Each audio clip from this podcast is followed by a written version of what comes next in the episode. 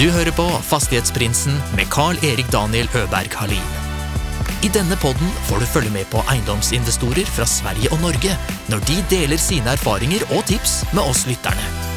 Gjestene er alt fra småbarnsforeldre med sin første enhet, til de mer etablerte haiene. God fornøyelse. Och de flesta säger att man ska inte ha hjärta i sin affär. Jag har massa hjärta. Ja, okej. Jag bygger bara sånt som jag känner att vi vill behålla för evigt. Mm. Vi ska kunna leva med fastigheterna för all evig framtid. Mm, vilken skön inställning. Ja men, du vet när man var liten och samlade på nyckelringar. Ja. Det är så mycket häftigare när det blir fastigheter. Man kan gå förbi dem. Veckans gäst har på ett imponerande vis vänt en olycka och nedlagt proffskarriär till att bygga det börsnoterade företaget K Fastigheter utifrån några renoveringsobjekt i Hässleholm. Det här samtalet har jag sett fram emot till att ha sedan redan innan jag startade Fastighetsprinsen-podden. Så välkommen in Jakob Karlsson! Tack snälla, jättekul för att vara här. ja, det var grymt kul att få äntligen få prata med dig. Jag, faktiskt, jag tror inte jag har berättat för dig men eh, innan jag startade podcasten så hade jag dig på shortlisten på eh, gäster. Nej. Vad roligt att höra. Ja, väldigt kul för mig. Häftigt, jag har ju lyssnat på dina tidigare poddar. Ja, Så att det är ju en ära att få komma hit. Jag hörde ju Per Svensson eh, Ja. tipsa ju om mig dessutom. ja eller hur? Ja, det var bra, det var bra att han passade upp den bollen. Eh, du är ju en eh, gammal långdistanslöpare som, och ekonomistudent och jobbat på bank. Det stämmer, det stämmer. och eh, nu även eh, VD för ett sällskap som är på börsen, fastighetsbolag. Ja, vi börsnoterades i slutet på 2019 Mm.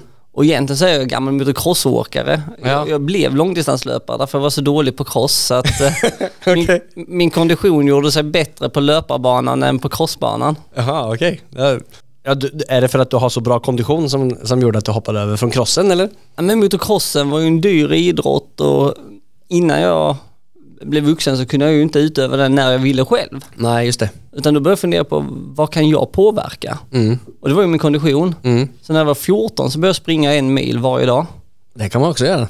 Ja, alltså, det är ju inte världens roligaste idrott, Nej. men när du liksom skördar framgång och märker att du blir bättre, Ja. då blir ju även tråkiga saker jäkligt kul. Ja, ja men helt klart. Och det tar jag alltid med mig, därför det bästa tipset att få tråkiga saker att bli kul, det är att bli bättre på dem. Därför gör man någonting jäkligt bra Mm. Så är det ju faktiskt lite kul. Mm. Eh, Så till syvende och sist så blev jag en bättre långdistanslöpare och började tävla och skörda framgångar. Mm. Och i slutet på 2008 så kvalade jag in till eh, EM i Göteborg. Okej. Och då trodde jag att jag hade uppnått mina drömmars mål. Mm. Att bli en professionell idrottare. Mm. Så att jag lyckades få ett proffskontrakt. Mm. Och proffs långdistanslöpare, då tjänar man 5000 i månaden. Så det är liksom inga Stiligt. fotbollsspelare eller någonting annat. Men eh, jag kunde inte släppa motocrossen. Jag tycker fortfarande att det var så fantastiskt kul, Mm. även om jag inte var duktig. Och nu när du tjänar 5000 spänn i månaden också så hade du råd till att köra. Aha, knappt, knappt. Mina föräldrar hjälpte nog fortfarande lite till där, så jobbar jag extra. Ja. Men eh, hur som så var jag med om en olycka. Ja. Där jag bröt en ryggkota Mm. och 13 ben i min vänstra fot. Eh, där och då så var det ju en katastrof. Men det är ju det bästa som någonsin har hänt mig. Ja. Det är få gånger man i den vanliga karriären, om man inte får sparken, Nej. får gå hem på kvällen och så inse att imorgon så måste jag hitta någonting annat att göra. Mm. Därför långdistanslöpning är inte min kommande framtid. Mm. Och då börjar man fundera, och jag är född på 80-talet precis som du. Mm. Då är man lite naiv, man vill inte ge upp sina drömmar. Nej. Så jag googlade passiva inkomster. Så jag tänkte, ja. jag, jag måste se till att få en inkomst och så Mm. kan jag livnära mig som idrottare fast jag inte är så duktig. Mm. Och då fick jag fastigheter och aktier eh, som två utav träffarna. Jag fick även royalties för att skriva böcker men som dyslektiker så kände jag att det var inte ett alternativ. Jag kan knappt läsa en bok så varför skriva en? Men eh, man, man kan ju tro när jag sitter här att jag fastnade för, för fastigheter, men det gjorde jag inte. Utan det var aktier och värdepapper som jag fastnade för. Mhm. Så jag började plugga finansiell ekonomi med fokus på, eller mitt privata fokus var ju då aktier där jag lär, ja, försökte specialisera mig på banker och fastighetsbolag. Mm. Det var på något sätt någonting jag begrep. De tjänar pengar på sin balansräkning och inte som alla andra fastighetsbolag. De säljer en produkt utan det är tillgångarna man tjänar pengar på. Mm. Det är ju bank och fastigheter. Som du tänker på börslistorna så ligger ju alltid fastighet och finans på samma. Och det är utav den anledningen. Men som student så, så tyckte jag att det var för tråkigt med böcker. Jag är inte riktigt eh, skapt för att sitta i skolbänken. Mm. Så jag var tvingad att göra någonting aktivt och när jag inte kunde springa så fick jag ta ut den energin på att börja renovera lägenheter på kvällarna. Okej, ja. Så, så jag köpte lite färg och målade och la golv och de första lägenheterna blev kanske inte så bra. Nej. Men eh, jag, jag lyckades sälja med en hyfsat bra förtjänst. Mhm. Så jag körde ett antal lägenheter tills jag blev portad i alla de här föreningarna för att jag köpte dem i spekulation. Ja. Så att eh, ungefär då var jag hyfsat klar med mina studier. Jag hade lite kurser jag inte hade klarat, eller ganska många. Men eh, jag var redo att söka mig in i arbetslivet så jag började jobba på en bank som placeringsrådgivare. Mm. Problemet var att jag kom under Svenska Finansinspektionens tillsyn och då hade jag inte själv möjlighet att köpa aktier i den utsträckning jag ville. Nej. Då var man väldigt begränsad. Ja. Jag tyckte det var helt galet. Är man duktig på aktier så får man inte handla och så vill de att man ska jobba på bank. Så jag tänkte, de som är riktigt duktiga, de måste ju livnära sig på det istället för att jobba på bank. Men hur som i alla fall, på bank så fick man ju låna som anställd pengar till en halv procents ränta. Och då hade det grisats eh, eftersom att jag var portad alla bostadsrättsföreningar så jag började låna pengar för att bygga en villa. Mm. Då var jag någonstans 22. Och då tänkte jag så här, ja, antingen så bygger jag villan och säljer den med bra förtjänst. Mm. Och får jag ingen förtjänst så får jag flytta in där själv. Mm. Det är ju inte så farligt. Mitt worst case som 22-åring, jag Ja. flyttade i en nybyggd villa. Det är bättre än de flesta. Ja. Så, så byggde första villan och sålde den. Mm. Och tjänade lite pengar. Mm. Men jag blev inte riktigt glad. Jag hade, Okej. jag hade gått in där med hjärta och själ och Mm. på kvällarna stod jag och la ungefär 2000 arbetstimmar själv Oj. på varje villa. Ja. Så när jag sålde den så, så, så förlorade jag en bit av mig själv. Så jag tänkte jag måste bygga en ny villa. Mm. Och när jag sålde den så blev det samma sak. Jag gick in med hjärta och själ. Tänkte, Nej, alltså jag måste hitta på något hur jag kan bygga och behålla. Mm. Eh, och de flesta säger att man ska inte ha hjärta i sin Nej. affär. Jag har massa hjärta. Ja, okej. Jag bygger bara sånt som jag känner att vi vill behålla för evigt. Mm. Vi ska kunna leva med fastigheterna för all evig framtid. Mm. Vilken skön inställning. Ja men, du vet när man var liten samlade på nyckelringar. Ja. Det är så mycket häftigare när det blir fastigheter, man kan gå förbi dem. Jag kommer ihåg då eh, 2008 eller då, då liksom finanskrisen när liksom mina aktier, Mm. de, de åkte ju juju upp och ner. Ja. Men jag gick förbi liksom de, mina byggen, som på, eller då var det ju bara lägenheter, men det var ändå någonting jag Ja. kunde ta på. Det var en rätt så god känsla. Ja. Så att, Du gick och klappade på dem, ni i vart fall här. ja men precis, precis. Nej men det, det var ändå en fin känsla och likadant många gånger när du, bolagsbyggande säger man. Mm. Men när, när du bygger fastigheter så är det faktiskt någonting du visuellt kan se. Det blir så greppbart på något sätt och det, det attraherade mig. Mm. Och så som det ser ut i Sverige så har, hade vi vid den tidpunkten ett byggoligopol så det var ganska svårt att bygga kostnadseffektivt. Men precis som när jag byggde de här villorna jag sålde så insåg jag att om man bygger små villor, det vill säga marklägenheter eller kedjehus, Mm. så behöver man inte vända sig till det här byggoligopolet som hade sanslöst höga priser. Vad hette det sa du? Bygg? Oligopol, alltså inte monopol men väldigt få aktörer som Ja, kontrollerar okej. en marknad. Mm. Eh, Utan det jag då insåg var att bygger vi små villor så kan jag vända mig till den vanliga villabyggaren på orten Mm. och då inte behöva betala för massa overheadkostnader. Så det var den affärsidén jag sen vände mig till Erik Selin som var min, var och är min stora företagsidol. Mm. Och det var den han nappade på sedermera när Ja. vi drog igång K-fastigheter i december 2010. 2000. Men alltså, vilket år var det, det här olyckan hände? Olyckan hände 2000, ja det var EM 2008 och det var väl då i början på 2008 eller slutet 2007. Mm. Alltså från 2008 så, då började du flippa lite lägenheter och hus och liksom allt fram till så att du, Jag körde på från när jag var 22 till jag var 24 med att flippa ja. och sen då när jag var sent på året 24 då Mm. eh, så eh, började jag bygga för att behålla. Ja, men liksom vad hade du, alltså hur många eh, enheter hade du flippat eller byggt och sålt och fram Två. tills dess? Två villor Mm. och lägenheter vet jag inte. Jag kan Nej. inte ens räkna dem men det var inte så många men ett tiotal. Men för det, det kommer ju liksom lite tillbaka till som jag har tänkt på, alltså du måste ha ett väldigt häftigt och starkt mindset. Alltså, för det är ju många som har gjort väldigt mycket men så är det liksom steget därifrån 2008 fram till 2010 och så vad som händer efter 2010. Det är inte alla som vågar att- sträcka ut handen eh, på det sättet heller. Eller så var jag inte tillräckligt medveten Nej. om alla hinder där var så lite naivt Mm. så trodde jag att allting funkade och ser du inte hindren så det är mycket enklare. Ja. Det kan vara farligt så att eh, Mm. nu har jag fullt med medarbetare Mm. och kompanjoner och vänner som hjälper mig. Mm. Men eh, jag hade nog inte startat om man sett alla hinder utan jag fokuserar på alla lösningar. Ja, men det där är ju, det där är någonting som jag har liksom skrapat fram egentligen från alla. Alltså Sharam när jag snackade med han också. Varje, varje sån här tokig idé som han eh, berättade att han hade gjort. Så nej men jag skulle ju bara starta ett litet café och så var det, det var inget litet café eller det var, nej vi skulle bara ta över 700 lägenheter. Ja, men Sharma har ett driv som ingen annan, han är Ja. helt fantastisk. Han Ja. är ja, helt sanslös. Men på tal om driv, Per Svensson sa från Cruzet som eh, rekommenderade att jag skulle eh, intervjua dig, han sa detsamma om dig. Han sa att du är väl den som får alla andra eh, att se ut som att de ligger på latsidan eh, på grund av ditt driv. Jag tror att de flesta av dina gäster sticker ut för att de har en arbetskapacitet som eh, är lite högre än de flesta eller att man tycker det är så fantastiskt kul. Mm. Utan jag, kan många gånger få frågan från vänner och bekanta, är du inte rädd att gå i väggen när du jobbar dygnet runt? Mm. Så, nej, men detta är min hobby. Mm. Folk som älskar att spela golf, Mm. har du hört någon gå i väggen utöver att spela golf? Jag har Mm. aldrig gjort det. Nej. Eller nu när alla spelar paddel. Mm. Jag vet ingen som går till väggen för att spela paddel. Min hobby Mm. och mitt intresse är fastigheter. Ja. Så det är helt ofarligt för mig att arbeta dygnet runt. Därför är det bästa jag vet. Ja. Ja, men jag, jag, jag kan relatera till det till 100% för det, det handlar ju egentligen bara om att okej, orkar du vara vaken i den här tiden?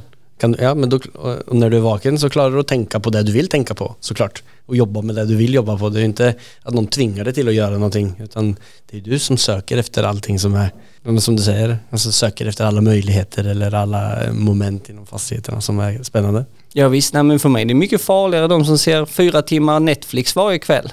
Mm. Jag tittar in i en annan skärm, det är en datorskärm och så ett Excel-ark där men det är ju min, ja det är min sudoku att komma i, liksom, i mål med vissa kalkyler och en det ena och det andra så det är ju avkoppling. Mm. Är du en matematiker eller? Ja men det får jag säga att jag är. Mm. Jag gillar siffror. Sover du och ser lite sådär eh, Da Vinci-koden eh, fastigheter flytande förbi. Ja, men jag vaknar många gånger på natten med idéer och sen Ja. mailar jag mig själv Ja, det, i- innan jag hade ett block.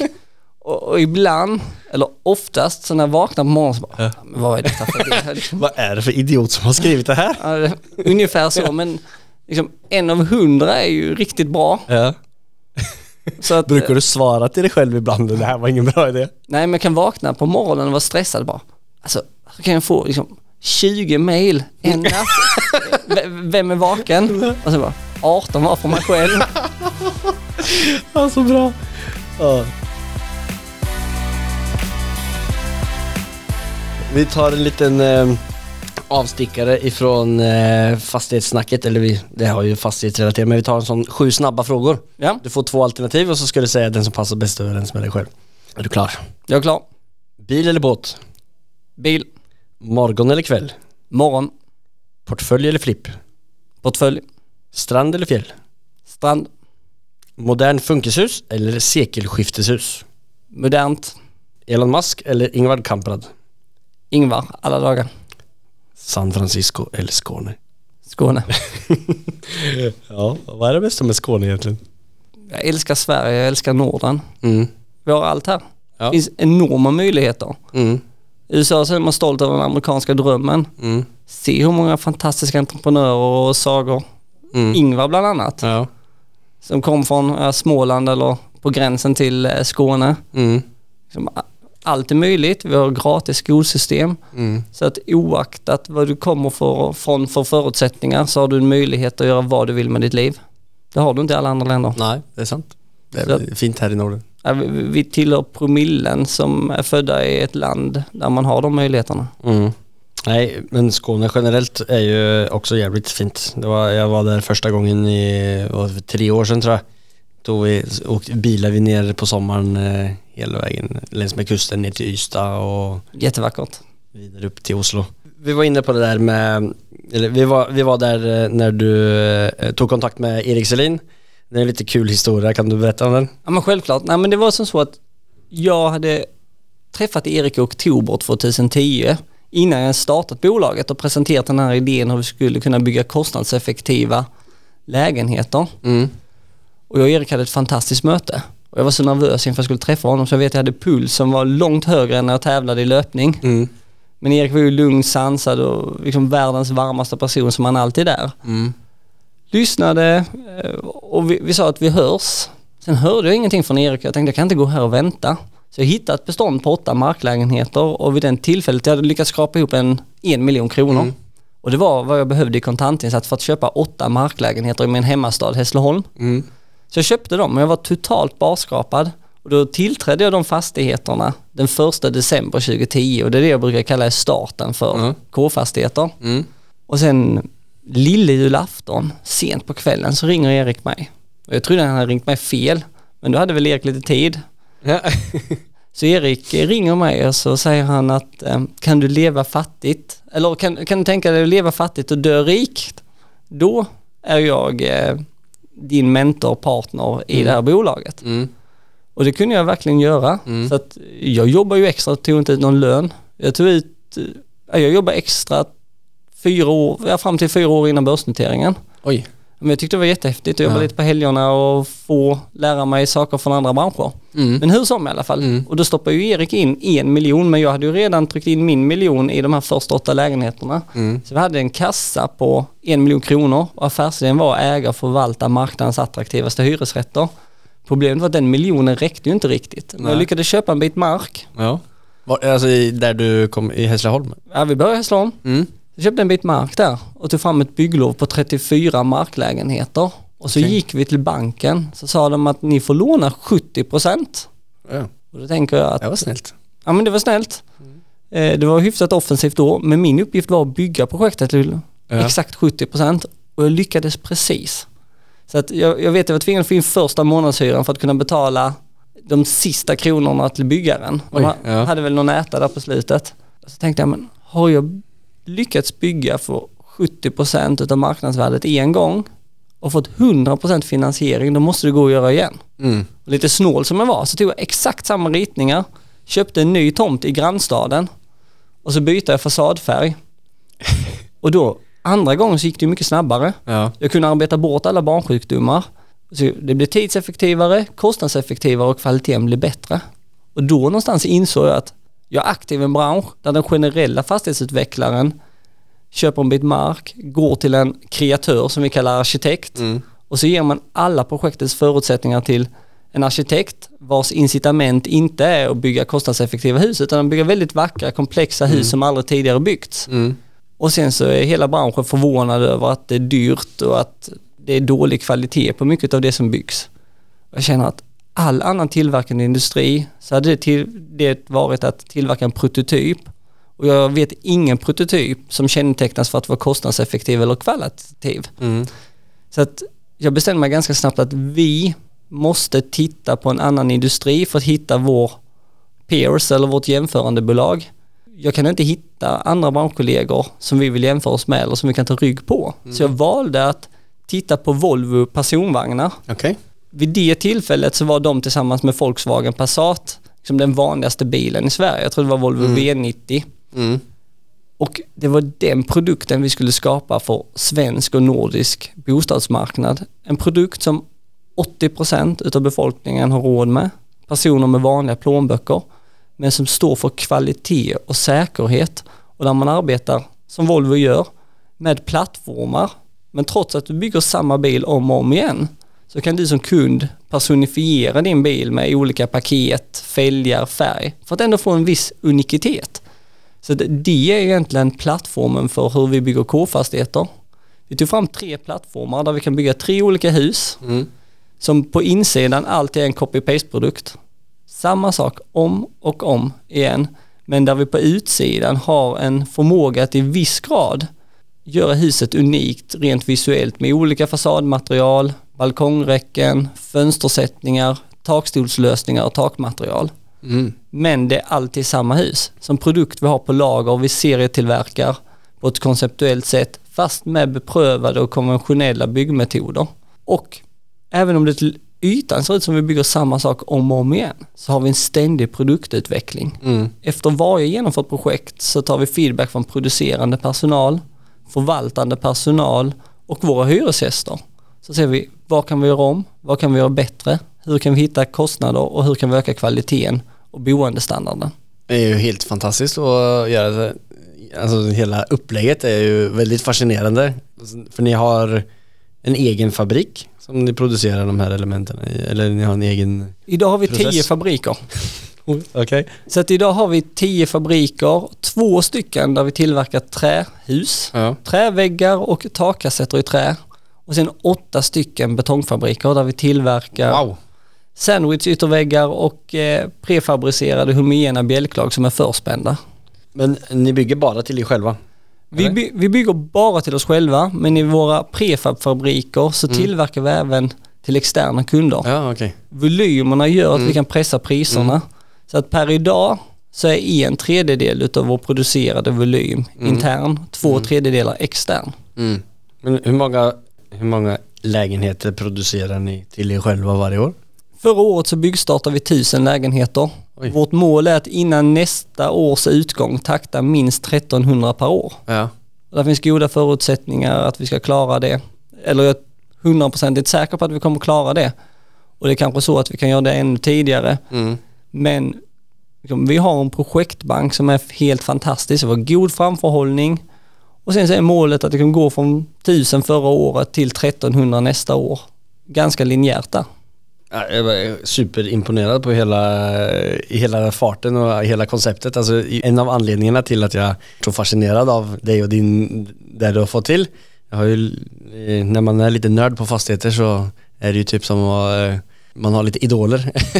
Men och det som triggar mig just med K-fastigheter är att den har liksom alla kul moment. Du har liksom det här, du söker en tomt. Alltså du ska ha en tanke om vad du ska bygga där och du har du går igenom alla de vanliga processerna och sätter upp eh, huset och eh, sen börja förvalta det alltså, och skapa en bostadsmiljö för hyresgästerna. Liksom, det är det som är, triggar mig också väldigt mycket. Att eh, lägga ner mycket tid på att skapa en bra miljö för hyresgästerna. Det upplever jag att ni också lägger extremt mycket tid på. Ja men det är hela vårt fokus. När jag själv var student en gång i tiden och bodde i hyresrätt Mm. så, så störde det mig lite att i Sverige där vi har sån otrolig bostadsbrist så hyresvärdarna såg inte mig som hyresgäst som kund Nej. utan man kunde ha dålig standard, kranen kunde stå och droppa, det kunde vara stopp i avlopp, man kunde ha skadedjur, man fick ändå lägenheterna uthyrda. Ja. Så tänkte, I vilken annan bransch behandlar du din kund på ett sådant sätt? Mm. Den dagen jag kör mitt fastighetsbolag så ska vi se hyresgästen som den betalande kunden, den du gör allting för att göra nöjd.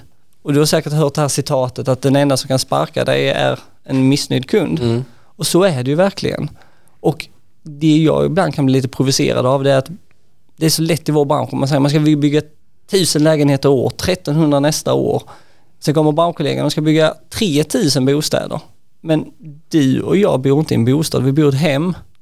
Det är mer än fyra väggar. Mm. Det är inte schyssta materialval, flashigt kök som gör att du får trivsel. Trivsel är hur bra mina barn leker med grannens barn. Är de bästa vänner? Det är trivsel. Mm. Om jag är ensamstående pensionär och grannen är ensamstående pensionär och vi blir vänner så att jag inte känner mig så ensam. Vi kan dricka ett glas vin, spela lite kort. Det är trivsel. Mm. Och vi som hyresvärd kan ganska lätt åstadkomma detta Hur då? genom att aktivera våra hyresgäster. Det kan vara att arrangera en bussresa till ett sommarland. Det kan vara att arrangera en bussresa till ett, ja, vad för någonting som helst, ett museum eller någon form av... Så ni är med och arrangerar liksom att, eh, eh, att hyresgästerna integrerar mycket mer med varandra? Precis, kan vi få, eller då miljöer på Ja. innergårdarna så att familjerna kommer ut och umgås och lär känna varandra. Det är ju det som är trivsel. Och lek själv, om dina barn är bästa vänner med grannens barn, det är ganska svårt att flytta. Ja. Det spelar ingen roll om du hittar ett billigare eller ett bättre boende. Mm. Därför du sliter inte dina barn från sina bästa vänner hur lätt som helst och då får du trognare kunder. Mm. Så det är ju win-win. Kan du öka trivseln så får du mer lojala kunder och det är liksom, en omflytt kostar pengar. Mm. Jag antar att du som eh, matematiker eh, har gjort en kalkyl på det där, alltså vad en eh, omflytt eh, versus att kanske ha lite lägre hyra eh, för att ha kvar eh, hyresgästerna längre. Alltså, finns det någon sån gräns eller har du någon sån? Ja men det, har vi definitivt. Mm. Vi räknar med att en omflyttning kostar 30 000 kronor. Det vill säga att om du flyttar ut idag och jag flyttar in Ja. imorgon så det är ingen Mm. ekonomisk vakans på pappret. Nej. Så är det ändå som så att träffa en ny hyresgäst, du ska Mm. göra en kreditprövning. Mm. Vi har alltid som krav att du ska träffa hyresgästen på en intervju, likt en anställningsintervju. Mm. Just att du ser att, äh, lär känna våra kunder. Mm. Och allt som allt besiktning, slitage, 30 000 kostar det, kanske någon marknadsföring. Så i snitt har vi 30 000 per omflytt i kostnad. Mm. Så att behålla en kund är så mycket mer ekonomiskt effektivt än att hitta en ny. Mm. Hur länge har ni en hyresgäst? När vi, I den nyproduktionen, så första året är det lite högre ruljans. mm. Men när beståndet har satt sig så ligger vi på 10% om året ungefär. Mm. Som flyttar eller som Ja. byter? Ja. Men då har vi även en, ett viss del som är studentlägenheter i vårt bestånd Mm. där ruljansen är något högre så Ja. det drar upp snittet. Ja, okej. Eh, tillbaka till den här första projektet som man ska säga som ni gjorde. Eh, alltså ni hade ju en miljon i startkapital och ni köpte en tomt i Hässleholm. Stämmer? Men använder ni bara en miljon till och som egenkapital för att dra igång hela det här projektet? Ja. Och om vi ska vara ärliga, Mm. idag då, elfte verksamhetsåret efter vi startar verksamheten, Mm. så ser kalkylen likadan ut. Vi har skapat ett eget nyckeltal som vi kallar PTV, Production to Value, Mm. eller produktion till värde. Ja. Och vårt snitt när vi presenterar vår Q4-rapport var under 70%. Och leker då med generella tanken att det vanliga fastighetsbolaget, de köper en fastighet till marknadsvärde, Mm. de belånar den kanske till 60%, Mm. då måste de stoppa in 40% eget Ja. kapital. Mm. Om vi belånar ett nytt projekt idag med 60% och bygger det för 70%, Mm. då stoppar vi in 10%. Då räcker ju vårt kapital så mycket längre. Ja, jäklar. Och där vi är idag så, vår, om man säger skuldsättningsgraden i hela bolaget ligger på ungefär i snitt 52%. Mm. Men vår nystartade projekt, där ligger vi på 65% belåningsgrad. Mm. Och så bygger vi i snitt för 70, så vi stoppar bara in 5%. Mm. Så vi har två nyckeltal vi arbetar med internt. Mm. Det ena är då PTV. Ja. Så för att vi ska starta ett projekt så får det aldrig ha ett högre PTV än 75% men snittet ligger under 70%. Och sen ska vi ha en yield gap på 1,5% och så undrar du vad menar du med yield gap på Ja. 1,5%? Och då ska, det vi menar då att för att vi ska starta ett projekt så ska vi ha minst 1,5% högre direktavkastning än det underliggande avkastningskravet i värderingen. Mm. okej. Så om marknadsvärderingsgilden är 4 så ska vi ha 5,5. Ja.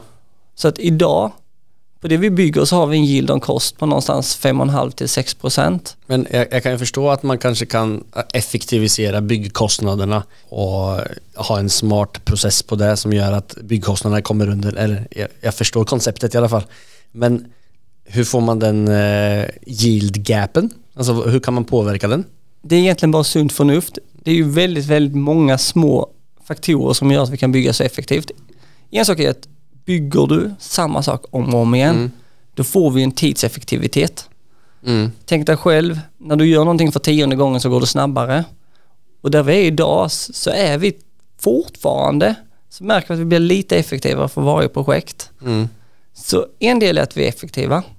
En annan del är ju att organisationen kan vara ganska slimmad när vi kan återanvända så många handlingar som vi gör. Mm. Mm. Och inköpna kan bli väldigt effektiva. Det är mer att vi avropar produkter än att vi ska ut och förhandla vid varje nytt projekt. Och så behöver vi inte mängda därför vi vet materialåtgången. Mm. Och det man ofta inte fokuserar på det är ju risk. Bygger du samma sak om och om igen, då kan jag bygga mina kalkyler på faktisk data från tidigare genomförda projekt. Mm. Ska du bygga din kalkyl på, ett, på ritningar på ett projekt du aldrig byggt, då måste du göra en massa antaganden. Ja. Och antaganden är livsfarligt i byggbranschen, Mm. där du exponerar dig mot stora risker till liten marginal. Mm. Men den stora hemligheten är egentligen inte liksom den här effektiviteten. Det, det är en bidragande faktor till att vi kan bygga kostnadseffektivt. Mm. Men lek med tanken att jag och du bor på samma adress. Ja. Du bor på 60 kvadratmeter, jag bor på 60 kvadratmeter. Då borde marknadsvärdet eller hyran på våra bostäder vara ungefär densamma. Mm. Men om vi ställer oss frågan, är materialåtgången för att bygga din bostad och bygga min bostad densamma? Och svaret är nej. Smart planlösning, smarta produkter bidrar till mindre arbetstimmar, mindre materialåtgång. Låt oss leka med tanken att en skokartong symboliserar en lägenhet. Mm. Om du lägger skokartongerna kortsida mot kortsida mot kortsida så får du ett långt, långt, långt smalt hus Mm. där du har en fasadyta som är en kvadrat fasad för varje kvadratmeter bostadsyta. Mm. Om du istället tar samma skokartong och lägger långsida mot långsida mot långsida, då får du en halv kvadratmeter fasadyta för varje kvadratmeter boyta. Mm.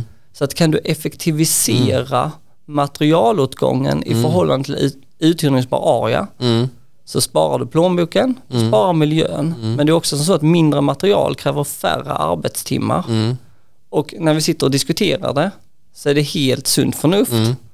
Men branschen agerar på ett annat sätt. Mm. Det är så enkelt men så få gör det. Så att många i branschen använder förhållandet mellan bostadsyta och BTA, alltså förhållandet mellan boa och byggyta som ett viktigt nyckeltal. Absolut. Men materialåtgång.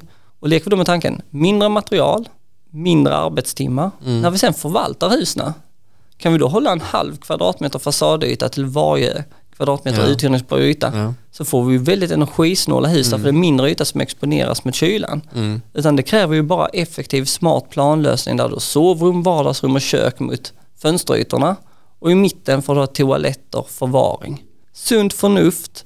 Men vad, hur kommer det sig, eller vad, varför tror du att det inte är fler som tänker på det här sättet? Därför man lägger projektets förutsättningarna i händerna på en kreatör. Ja. Och inte en eh, Excelman? Nej, du ska, precis.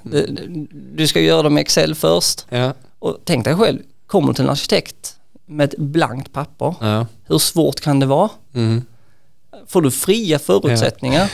Men kommer du till en arkitekt med ett helt A4 m- med punktformer, spännvidderna får max vara 6 meter. Ja. Fönsterbröstningen får, måste minst vara 60 cm från golv. Mm. Punkt efter punkt efter punkt. Det är då du skiljer agnarna från vetet. Mm.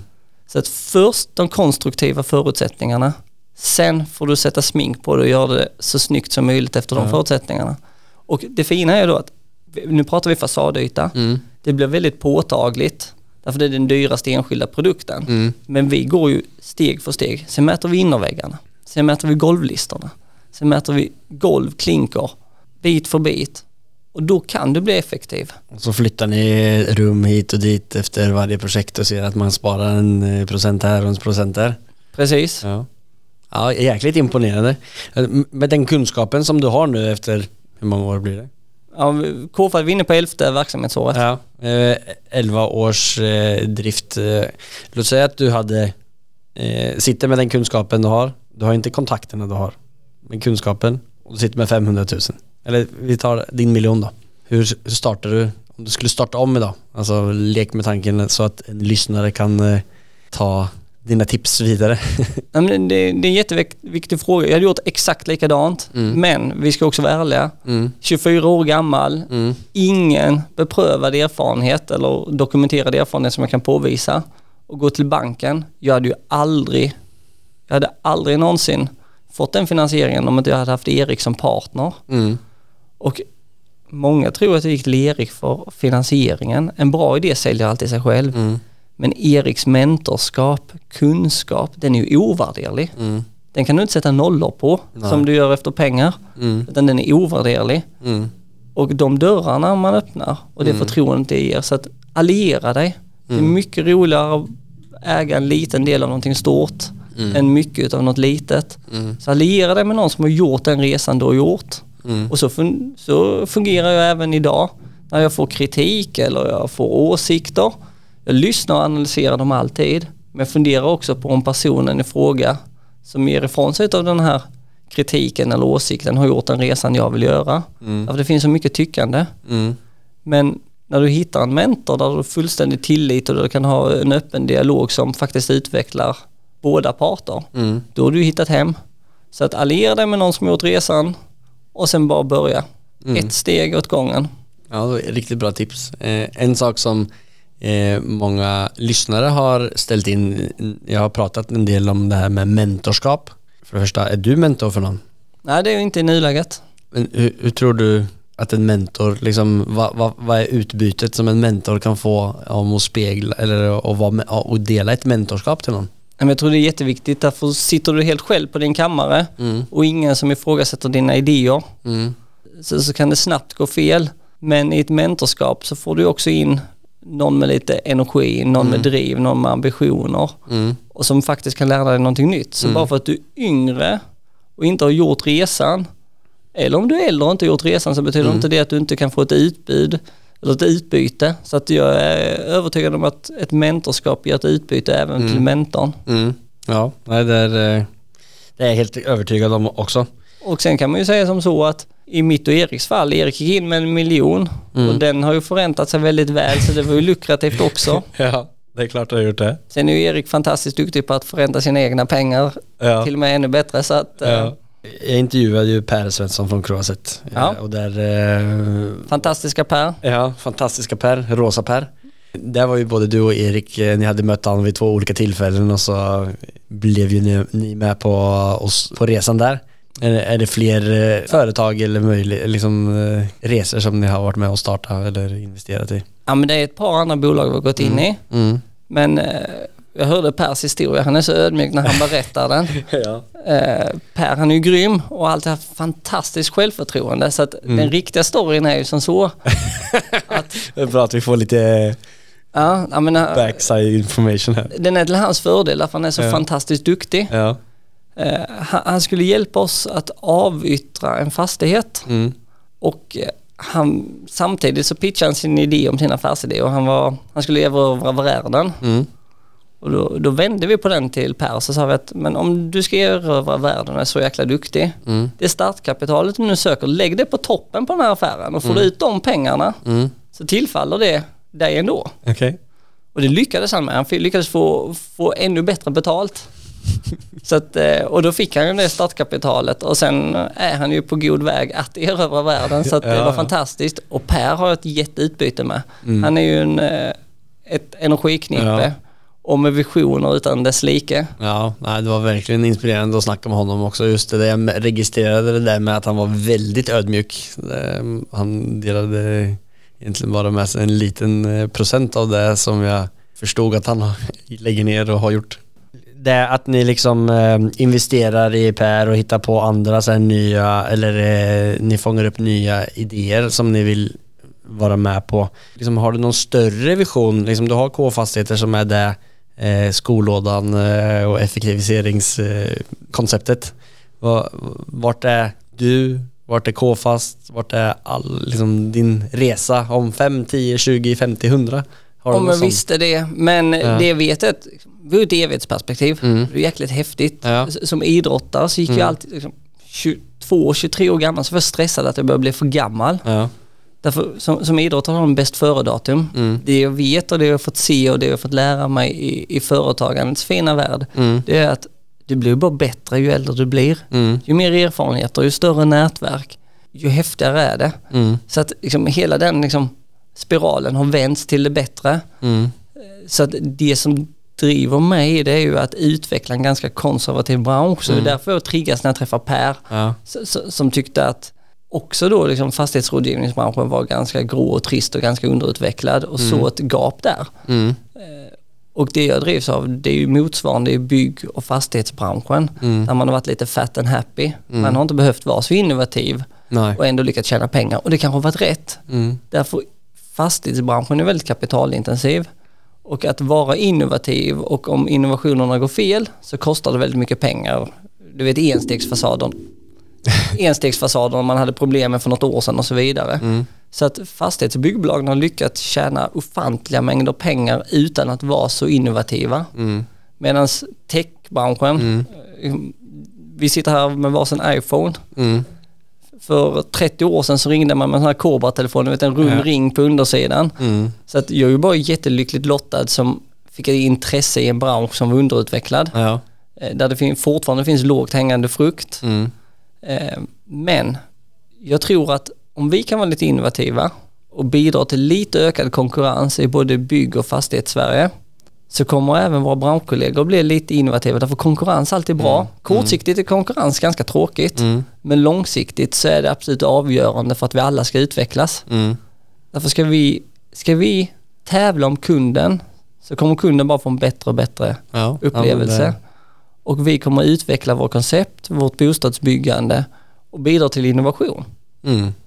Ja, men det är eh, väldigt spännande grejer som du är inne på, just det där med helhets, eller med mm, evighetsperspektivet också. Eh, du var också inne på det med att eh, fastighetsbranschen är en kapitalkrävande sport att hålla på med. Hur har du liksom, du har ju gått från att flippa de små lägenheterna i Hässleholm till eh, att vara en börsnoterad eh, stor aktör. Liksom, hur ser finansieringsmodellerna eller principerna annorlunda ut? Alltså från att man är, gör en flipp av en lägenhet i taget och kanske upp till man är, är det någon annan gräns på 40 lägenheter eller, och är det någon annan gräns på när man är börsnoterad?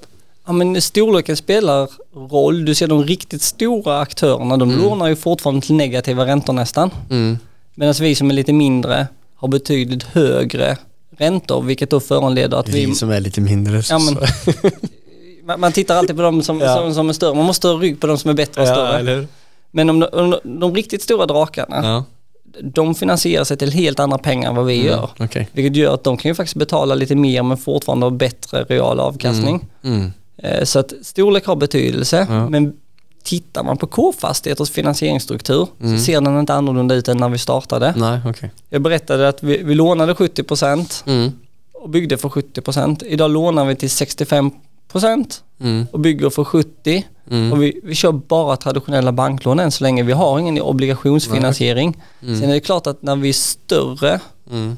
så är det mycket lättare att få finansiering därför vi har track record. Mm. Och sen så har vi då, eftersom det var hyfsat hög amortering så har vi en belåningsgrad i portföljen som är betydligt lägre än de här 65.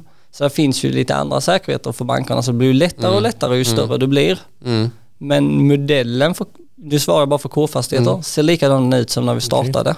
Och jag vet när jag gick in till banken, även på de här första åtta lägenheterna, Mm. innan Erik tackade jag, Mm. så med facit i hand, så jag, jag funderade inte ens på att de skulle tacka nej. Nej. Och det var kanske den naiviteten som gjorde att jag fick ett lån, för jag tog det som självklart. Jag tänkte jag gick till den här banken och skulle pröva deras villkor gentemot en annan. Mm. Eh, går, går man dit med mössan i hand och känner sig lite osäker, Mm. då är säkert risken, men man måste vara säker på sina siffror. Mm. Det är ju som så att om banken tackar nej, så är det många som blir förbannade. Mm. Men det är ju kanske till och med det bästa som kunde hända dig. Mm. Bankens uppgift är ju inte att ta risk. Jag som kund, K-fastigheter, kommer få betala högre räntor om banken gör kreditförluster Mm. hos andra kunder. Så jag är helt, jag är supertacksam att bankerna är lite försiktiga. Mm. Och det är ju som så att vissa idéer ska de inte tacka nej till. Mm. Så säger banken nej så är idén antagligen inte tillräckligt bra. Nej. Och är den tillräckligt bra så kommer de stödja den. Ja. Nej, för jag, alltså när, vi, när jag började gå rundan med att få finna finansiering till eh, det beståndet, som, eller de, de, de två husen som jag skulle köpa i Sverige som inte blev av. Och sen eh, när vi har eh, sökt till finansiering för det parhuset som vi bygger nu så mötte vi ju, jag blev ju också lite chockad över hur svårt det var. Det slutade ju upp med att vi finansierade via crowdfunding och jag har ju pratat med bankerna i efterhand också, där de har varit lite mer ärliga om det här. De säger, vet du hur många som du som kommer in här och har, kommit på den briljanta idén att de ska flippa en lägenhet? Ja, det är säkert många. Ja, det är supermånga. Eh, så, Men var du beredd att gå i personlig borgen? ja ja. Ja, därför det är bra. Många vill inte gå i borgen. Det kommer jag ihåg en gång Erik sa till mig, men om inte du är beredd att gå i borgen, varför Ja. ska banken våga satsa sina pengar om Ja. du inte är beredd att satsa allt du har? Ja, väldigt bra poäng. Nej, vi eh, gått i borgen med hull och hår. Så. Ja men det är bra. Det är bra, då har du maximerat incitament att lyckas. Ja.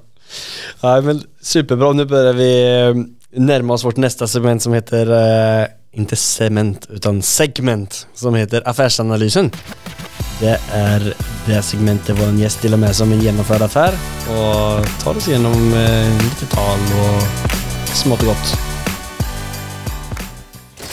It has not been easy for me. And, you know, I, I started off in Brooklyn. My father gave me a small loan of a million dollars.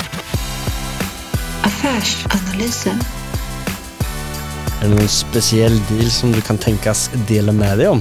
Det blir ju säkert lite tråkigt eftersom att vi gör samma sak om och om igen. Ja. Men det är ju som så att jag berättar för dig att vi har production to value som ligger på 70 i snitt. Mm. Men vi har haft några riktigt fina projekt Mm. som sänker då snittet i portföljen. Mm. Detta är ju länge sedan. Men eh, då låg vi på PTV 55% men fick låna 65%. Mm. Så ett tre fick jag loss kontantinsats för att köpa ett befintligt bestånd av banken. och det var sånt vi kunde göra innan vi var noterade och Ja. det var full transparens. Mm. Men eh, det var väl en av de häftigaste effekterna. Jag fick mer pengar av banken än vad det kostade att bygga. Ja, Det är ju helt magiskt att få gjort det. Ja visst, och så kunde jag återinvestera dem. Men när du, låt säga då, bara för att använda platta tal då. Du eh, har en produktionskostnad på 10 miljoner och så får du... Eh, Sex och en halv i lån. Ja. Alltså vad, vad blir de värderade till efteråt? Ja, men, när vi tar fram ett projekt så förhandsvärderar vi dem alltid Mm. Okej. externt. Mm. Och det vill säga att är det värt 100 Mm. och vi bygger det för 70 Mm. och så belånar till 65 så är det ju värt 100. Mm. Så att vi, vi får ju 30 miljoner då i orealiserade värdeförändringar. Mm. Vi satsar 5 miljoner i kontantinsats Mm. och 65 miljoner i lån. Ja. Men hur, alltså, är, är det på grund av att ni har låga produktionskostnader? Ja. Ja. Helt, om du tänker Erik stoppade in en miljon, jag stoppade in en miljon och det var det enda externa kapitalet bortsett bankfinansiering Mm. vi stoppade in i K-fastigheter innan vi då fick in kapitalet i samband med börsnoteringen. Allting kommer ju tillbaka till de här första 30... Ja men tänk dig det här första projektet, de här 34 Ja, lägenheterna. 34 lägenheterna. Så, så byggde jag dem till 70% och sen när det blev dags för att göra årsbokslut så skrev vi upp dem till marknadsvärde. Mm. Vilket är helt i enlighet med liksom, bokföringslagen. Mm. Och sen så nästa projekt gjorde jag likadant Mm. och då blir det att då bygger du en body. Mm. Det är ju som så att marknadsvärdet är vad marknadsvärdet är. Ja. Att vi bygger det kostnadseffektivt gör ju inte att marknadsvärdet blir lägre. Det är två helt olika Mm. faktorer. Mm. Men byggde ni det och finansierade... Eller nej, ni sålde ju inte. Men, Men vi, vi behåller allting. Ja, jag behåller allting. Så att idag när vi då redovisar enligt IFRS som alla noterade bolag gör Mm. så kommer ju den differensen som orealiserade värdeförändringar så det kommer ju även i resultatet. Mm. Jag är bara väldigt imponerad och mållös. Så, så hade vi varit ett vanligt byggbolag Ja. som hade byggt en fastighet för 70 och sålt den för 100 då hade Ja. vi ju redovisat det som vår bruttomarginal. Ja, ja. Men eftersom att vi väljer att behålla det Mm. så kommer det som orealiserade värdeförändringar. Ja, ja. Men det är egentligen inte konstigare än att Nej. du bygger och säljer Ja. och så har du 30% i vinstmarginal. Ja, så, och det använder du till för att använda in till nästa och så använder du och så... Men det vi gör är att vi både har kakan och äter Ja. kakan. Så att vi, vi redovisar de 30 procenten som det kommer på resultatraden Mm. Eh, med avdrag då för uppskjuten skatt. Mm. Och sen så får vi behålla kassaflödet som är då någonstans Ja. 5,5-6% mot eh, totalkostnaden i projektet. Mm. En väldigt god kak- kaka det där. Ja men den, den är fantastisk. Ja. Och så älskar vi det vi gör Ja. och våra hyresgäster. Mm. Nej. Hatten av. Jag är superimponerad på den jag har fått till. Jag är bara lagledare, det är en fantastisk organisation som faktiskt sätter bollen i krysset. Ja. Jag bara förmånen att få sitta här och representera dem. Ja. Ja men tack för, eh, tack för att du delar med dig om det. Då eh, kör vi motocross bort till vårt nästa segment som heter Fyra frågor. Ja men vad trevligt. Det är de samma fyra frågorna som eh, vi ställer våran gäst.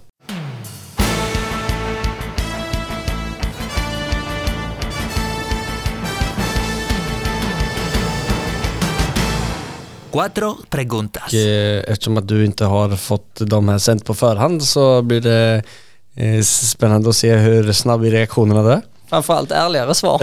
ja. Vad är det som skiljer från en framgångsrik entreprenör mot de som inte lyckas, slutar eller aldrig kommer igång? Nummer ett är att man bara gör och nummer två är att man analyserar bakåt. Som idrottsman Mm. så analyserar du alltid dina prestationer. Bra som dåliga och så tog du med dig vad kan jag göra om, vad kan jag göra bättre, vad gjorde jag bra och hur kan jag förstärka den prestationen. Och genom att agera likadant, när jag kommer ut från det här mötet med dig så kommer jag, inte på direkten men efter några timmar analysera, hur svarar jag på frågan, Mm. eh, hur framställer jag K-fastigheter Mm. och och så för att kunna kalibrera och bli lite bättre nästa gång. Mm. Genom att analysera vad som gick bra och dåligt så tror jag att du kan prestera bättre framöver.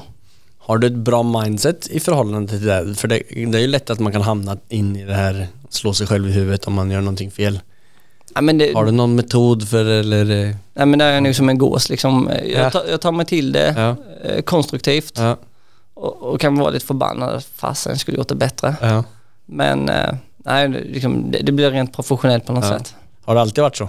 Nej, utan eh, ja, men jag har alltid analyserat, varit en tänkare. Mm. Jo men för alltså jag kan känna mig igen med det också alltså, och många som analyserar mycket är ju ofta där att man är kanske lite mer självkritisk också.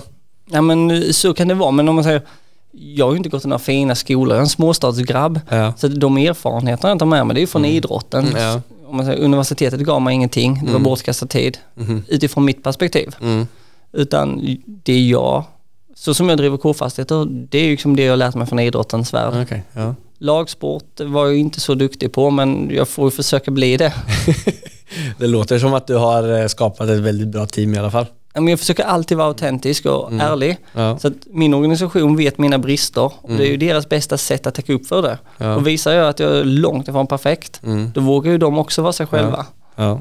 Så ärlighet är... eh, Vara sig själv, liksom ledarskapsutbildning, berätta hur du ska göra saker fastän du ska göra saker på ditt sätt. Mm. Du är du. Mm. Härligt. Andra frågan. Om alla fastigheter var tillgängliga för dig, om pengar inte var motivationen, vilken fastighet hade du förvärvat och varför? Ja, Men jag hade velat köpa någon av de gamla villorna jag byggde och sålde. De stör mig Ja. fortfarande. Ja. Vet du om de står kvar eller? Alltså de står kvar, så, så pass god kvalitet var det. Ja, ja men det blir bra. Ja. Tredje frågan då. Bästa boktips för en som är intresserad i fastighetsinvesteringar? Nej men om jag säger, jag berättade innan att jag tyckte Mm. att utbildning gav mig inte så mycket. Nej. Utan det som fick mig då när, efter skadan, Mm. så fick jag i julklapp en bok som jag önskat mig som heter Rich Dad Poor Dad. Ja. Som är skriven på ett sätt så att ett barn kan förstå den. Mm. Men det är inte mer avancerat. Nej. Den boken gav mig allt och det var den boken som fick mig att börja med både aktier och med Mm. fastigheter. Mm. Så att jag, jag, i dagsläget, den boken köper jag till alla som betyder Ja. någonting för mig. Ja, den är, jag har läst den flera gånger också och det är många som tipsar om den också det är ju förmodligen för att den får någonting, du, får det, du, du förstår innebörden av det det innebär. På ett väldigt enkelt sätt. Ja. Skriver under på också. Fjärde frågan. Nämn det mest storartade, roliga och minnesvärda sättet du har firat en genomförd affär eller seger på. Jag kommer ihåg efter börsnoteringen så Mm. hade vi arbetat dygnet runt, hela jäkla bolaget och vi hade planerat eh, världens galej. Mm. Så vi hade bokat eh, Sturebadet i Stockholm. Mm. Och där skulle vi bada och vi skulle Först skulle vi ha ett yogapass och sen skulle vi då bada och basta och kanske ta en pilsner. Mm. Men när vi ligger där på den här yogamattan så hör jag att någon snarkar och då ligger hela bolaget och sover därför alla var helt utarbetade. Men eh, det, det var en häftig känsla. Jag, sen som, idrottare, som idrottare så drömde jag ju om att få tävla i OS, vilket jag Ja. aldrig fick. Mm. Eh, Och sen då som, som företagare så blev det ju börsnotera som blev ett delmål. Mm. Och då, det, jag har sagt det någon gång innan, det var mitt business i OS. Mm. Så, så det var en häftig känsla. Ja. Samtidigt så efteråt så blir det lite tungt. När du har nått ett mål så är det jäkligt viktigt att direkt hitta ett nytt. Mm. Så att du inte liksom tappar momentum. Vilket är det då? Nej, men om man säger, jag kom på det, vi kan inte ha konstanta mål utan de, de har rullat. Nu har vi de här 1300 byggstarterna nästa år. Mm. 5000 lägenheter i förvaltning. Mm. Och sen har jag massa mål, men de kan jag inte riktigt uttala mig om. Nej.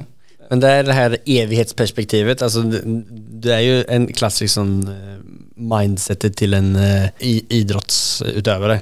Alltså man ska ha ett så långt mål så att liksom, du ska ju bli bäst i världen, du ska ju uppnå någonting som ingen har uppnått någon gång tidigare. Ja, men jag säger som Per Svensson, vi ska erövra världen. Ja. Vilket härligt gäng. Ja men vi, det är superhärligt gäng. Ja. Det är lilla K-fast-familjen och IS-familjen och Ja. KZ-familjen. Ja.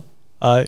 Grymt superinspirerande. Innan vi avrundar helt här nu då, är det någon speciell person som, eller eh, liksom är det något eh, bedrift eller någonting som du gärna vill samarbeta med framöver eller komma i kontakt med eller? eh, Ja men alla som har en stark idé och driv Mm. och gärna att de kommit igång lite Mm. Får gärna höra av sig. Mm. Eller de som vill faktiskt bli en del i KFAS-teamet och jobba för oss eller med oss Mm. eh, är varmt välkomna att höra av sig. Vi expanderar på personalfronten Mm. och behöver driven personal. Ja, vart är det ni har eh, säten? Vi vi har vårt säte i Hässleholm där jag kommer ifrån Ja, och det kommer vi alltid ha. Man Ja. måste veta var man kommer ifrån. eller hur? Eller hur? Men våra största verksamhetsområden är ju då södra Sverige. Sen så har vi då öppnat upp både i eh, väst och östsverige. Sverige. Och sen så även då eh, just nu så triggar det mig väldigt mycket att bygga i Danmark. Inte Norge?